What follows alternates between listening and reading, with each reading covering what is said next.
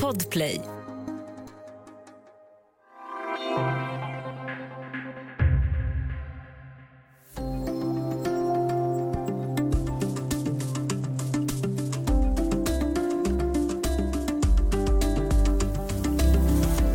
De regnbågsfärgade sedlarna kallades majorer, Göteborgsstadsdelen Majornas alldeles egna valuta.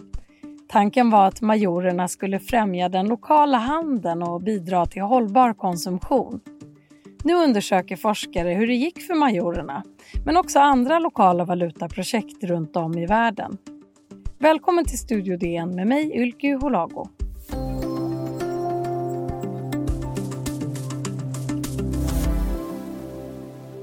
Och med mig nu har jag Anna Skog från DNs Göteborgsredaktion. Hej! Hejsan! Det snackas ju mycket om kryptovalutor och en möjlig svensk e-krona just nu. Men vi ska prata om en annan variant av pengar, nämligen lokala valutor och närmare bestämt alltså i Majorna i Göteborg. Du har ju i en DN-artikel berättat om det här projektet och den forskning som just nu pågår kring det. Men till att börja med, låt oss reda ut, vad är en lokal valuta? Det är en valuta som kan användas inom ett visst geografiskt område och till exempel som i det här fallet då en stadsdel. Och den ersätter alltså inte en nationell valuta utan den fungerar som ett komplement. Så man kan även kalla det en komplementär valuta. Eh, och syftet är helt enkelt att främja den lokala handeln i det här geografiska området. Och vad ville man uppnå i Majorna genom att ha en egen stadsdelsvaluta? Alltså framför allt det här med att den skulle bidra till hållbarhet eh, ekonomiskt genom att valutan används för att man handlar just hos de eh, lokala butikerna, restaurangerna, kaféerna. Men i sig så gynnar det också, i är tanken då, social hållbarhet eh, genom att känslan av samhörighet i samhället då blir tajtare på grund av att den ekonomiska delen stärks. Och sen så ekologiskt så kan den här lokala valutan bidra på det sättet att man till exempel undviker långväga transporter för att man handlar lokalt istället för att ta bilen till ett stort köpcentrum och sådär. Vilka tog initiativet till det här projektet? Det var från början Hyresgästföreningen och de kommunala bostadsbolagen som finns i stadsdelen. De hade redan ett samverkansprojekt på gång som handlade om just att på olika sätt hitta vägar mot ett hållbart lokalsamhälle eh, på olika sätt och då blev majorerna en del i detta. Och hur gick det här eh, projektet till? Vad, liksom, hur drar man igång någonting sånt här? Ja, de som var en del av det här samverkansprojektet då, som jag har intervjuat, då, två av dem, Kalle Karlsson och My Welter, de kom på den här idén och så började de höra sig för i området och prata lite med ägare till restauranger och kaféer och sånt där. Och de berättade att till en början så var ju folk lite oroliga och tänkte, men vad är det här för någonting? Och ja, är det här ens lagligt? Och, men när de hade haft de här diskussionerna så Eh, så blev de flesta nyfikna och då körde de igång och så tryckte de upp färgglada, nästan lite regnbågsfärgade sedlar eh, som fanns i två valörer, 50 och 100. Och en major då motsvarade en svensk krona. Eh, och sen så kunde man växla till sig de här majorerna då i deras lilla provisoriska bank eh, och sen använda dem i kvarterets butiker och, och restauranger, de som var anslutna till valutan helt enkelt. För oss som inte kommer från Göteborg eller har superbra koll på Majorna, vad är det för slags stadsdel? Egentligen så är ju Majorna uppdelade i, liksom flera olika delar då och eh, valutan fanns ju främst i någonting som kallas Kungsladegård. Men i det stora hela så säger man ändå Majorna och det är ju från början ett eh, arbetarklassområde kan man säga som har gentrifierats de senaste åren. Så det är liksom lite kombination av av gammalt och nytt och eh, eh, de här landshövdingehusen då, som är väldigt typiska för, för Majorna nu, det är ju, en del av dem är fortfarande hyresrätter och ingår i liksom allmännyttan och en del är superdyra bostadsrätter idag. Och klassiska Mariaplans korvkiosk hade en central roll i valutaprojektet. Hur då? Uh, ja, men den fungerade lite som en inofficiell ambassadör för majorerna. Hon som uh, äger kiosken då, det här har inte hon berättat själv, utan det berättar de här personerna uh, för mig, Kalle och My. Men hon var väldigt engagerad i projektet och det är ju en väldigt central del, både liksom geografiskt och kulturellt i Majorna. Varför då? Den har funnits sedan 50-talet eh, och eh, bara stått där som en liten minikiosk på samma plats alltid. Och sen så blev den ju rikskänd då eh, inför eh, valet eh, 2018 därför att då använde Socialdemokraterna en snarlik kiosk med det här typiska karaktärs korvkiosk som är eh, särskrivet i deras valfilm. Som en blinkning då till Mariaplans korvkiosk i Majorna? Ja, precis. Egentligen så var det väl kanske främst till korv som arbetarmat, men det var ändå, de inspirerades ju av den här kiosken. Om vi går tillbaka till Majornas utveckling och demografi, alltså vilka som bor där. Många som var skeptiska till den här majorvalutan avfärdade det här som typiskt hipsters. Men hur bemötte dina intervjupersoner den kritiken? De som var engagerade i projektet? Mm. De kände väl inte riktigt att de höll med om den kritiken utan eh, att det faktiskt var ett seriöst projekt som hade ett specifikt syfte eh, och att de som använde majorerna också gjorde det för att bidra till ett levande lokalsamhälle. Eh, inte bara för att det var en kul grej. Eh, men de kunde också förstå att det uppfattades som någon slags hipsterploj. Eh, särskilt eftersom att det bara pågick under ett halvår och sedan dess i princip har glömts bort lite grann. Och det var ju alltså främst hösten 2017 som det pågick och nu är det avslutat. Vad säger boende i Majorna om projektet idag, så här några år efteråt? Mm, vi hörde ju oss för lite i området och eh, ja, alltså de flesta som vi pratade med kände ju till det eller hade hört talas om det eller kanske till och med hade sett en major. Men eh, de kände inte till det så mycket mer än så. Någon tyckte att ja, men det här kan stärka majorna medan någon annan tyckte att nej men gud, vi ska inte ha olika valutor i olika områden. Men framför allt så verkar de flesta uppfatta det som att det främst var en kul grej. Vi ska ta en kort paus och sen prata lite mer om hur det gick i Göteborg med det här Majorprojektet, men också om den internationella forskning som pågår kring lokala valutor.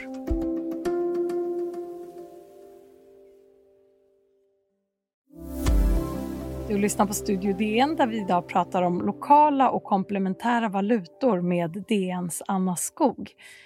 Anna, just nu så pågår ett större forskningsprojekt där forskare från Lunds universitet tillsammans med kollegor i Storbritannien och Brasilien kollar närmare på internationella exempel på lokala valutor eller komplementära valutor.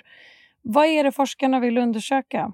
Ja, de vill ju helt enkelt undersöka om de här lokala eller komplementära som de kallas eftersom att de inte ersätter, som jag nämnde förut, den nationella valutan, kan bidra till hållbar konsumtion eh, och i förlängningen då till hållbara samhällen.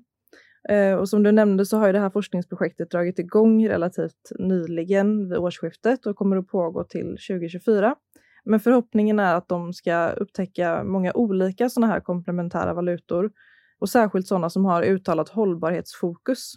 Du har ju då skrivit om det här i Dagens Nyheter och i din artikel så nämns bland annat Brasiliens komplementära valuta Banco Palmas som forskarna kollar på. Hur fungerar den? Mm, det var ju det här som lite, i och med det här samarbetet de har med Brasilien, så är det här lite ingångsvinkeln på hela det här projektet. Och eh, det är alltså mikrokreditbanker, eller sociala banker kallar de det, eh, som lånar ut pengar i sin egen valuta. Och tanken med det är just att pengarna ska stanna i det området där de lånas ut för att gynna de lokala affärerna. Men den här valutan har då ingen ekologisk prägel utan det handlar mer om att stärka just den lokala ekonomin. Och forskarna har ju också tittat på Bristol Pound som har testats i Bristol, England. Hur gick det där? Ja, det gick väl inte riktigt som man hade, hade tänkt där. Eh, för eh, Bristol Pounds infördes ju i samband med finanskrisen eh, och tanken var precis som i, i Brasilien där att främja den lokala ekonomin. Och forskarna har ju själva inte hunnit studera detta, men däremot så publicerades en studie förra året där man har undersökt det här lite grann och kom fram då till att den här valutan inte hade främjat den lokala ekonomin i alla fall inte den utsträckning som man hade tänkt då. Men däremot så menar man att valutan var stärkande för lokalsamhället ur ett socialt perspektiv.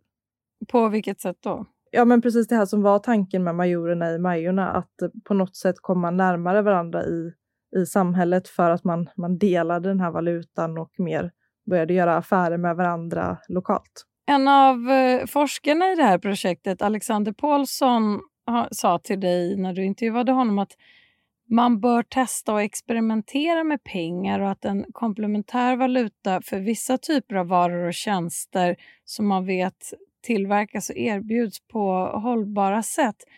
På vilket sätt bidrar de här specialvalutorna till hållbarhet utöver att man bara kan använda dem precis där man bor? Det han menar är att om man inför en valuta som man enbart kan använda för att handla något som man väljer ut, till exempel närproducerade varor eller ekologiska varor, eh, så kan man undvika då till exempel långväga transporter eller för att säkerställa att man vet hur produktionen har gått till.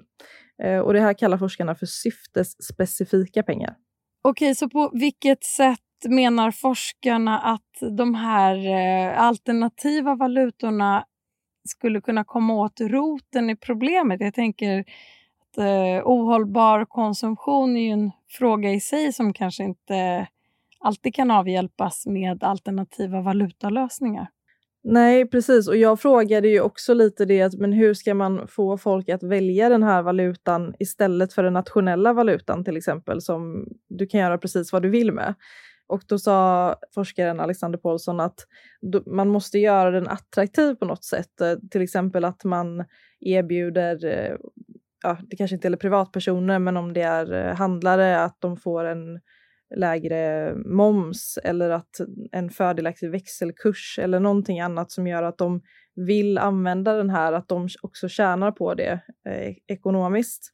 Och jag tror att han tanken är väl lite också bara att man ska börja prata om pengar generellt för att idag så, så ser vi dem nästan inte. Det är ju, det är ju väldigt abstrakt. De finns där på, på bankkonton och eh, bara liksom åker kors och tvärs över jorden. Och han menar väl på att det kanske också är det som är bra med eh, papperspengar som majorerna var, för det var ju en fråga som jag ställde, men, men det är väl ingen som använder kontanter idag nästan. Men syftet i Majorna var ju lite grann just för att man skulle prata om pengar på ett mer pedagogiskt sätt också och lära sig lite vad de faktiskt gör. Men om det verkligen skulle gå att förändra konsumtionsmönster med de här pengarna, det återstår ju att se. Du frågade ju också eh, forskaren Alexander Paulsson om det finns en risk med att man blir begränsad till att handla där man bor och att det i sin tur skulle kunna skapa eller spä på ojämlikheter. Vad fick du för svar på den frågan? Det visste han inte riktigt ännu. Det är en av de grejerna som de kommer att undersöka i det här forskningsprojektet. Vad som kan vara ett rimligt geografiskt område och eh, hur man skulle kunna dela upp Sverige till exempel i olika geografiska områden. Men han sa också att de undersöker om en ny komplementär valuta kanske kan införas som en slags basinkomst just för att motverka sociala ojämlikheter. Men då hamnar man ju i, i en annan diskussion om det också. Som vi kanske återkommer till här i Studio DN. Slutligen, vad hände med majorerna i Majorna? Kommer valutan att komma tillbaka? Ja, vi får se. Det var ju ett testprojekt eh, och det innebär också att det fanns ju liksom inte obegränsat med pengar för att hålla igång det här projektet. Eh, så till slut så blev det ju lite att de här som var engagerade fick göra det liksom utöver sina andra arbeten och de fick hoppa in och vara bank ja, lite hipp som happ när det var någon som ville växla. Eh, och det var ju inte hållbart i längden. Och de, de höll ju på ungefär ett halvår och de sa det att de hade säkert kunnat hålla på ett halvår till eller kanske till och med ett år till. Men till slut så blir ju inte det hållbart. Eh, och att de är väldigt sugna på att dra igång igen. Men i så fall så behöver de ju en aktör bakom som faktiskt ser till att det rullar på, och att det inte är tidsbegränsat eller baserat på ideellt engagemang. Men de sa också att det var flera lokala handlare som hade hört av sig till dem under pandemin och bett dem starta upp igen just för att de hade det tufft ekonomiskt och trodde att det skulle vara en hjälp för att ge dem en skjuts igen och komma igång. Tack så mycket Anna Skog, reporter på DNs Göteborgs redaktion. Tack. Vill du kontakta oss går det bra att mejla till studiodn dn.se. Studio DN görs för Podplay av producent Sabina Marmulakai, ljudtekniker Patrik Miesenberger, tekniker Jonas Lindskov, Bauer Media och jag heter Ylke Holago.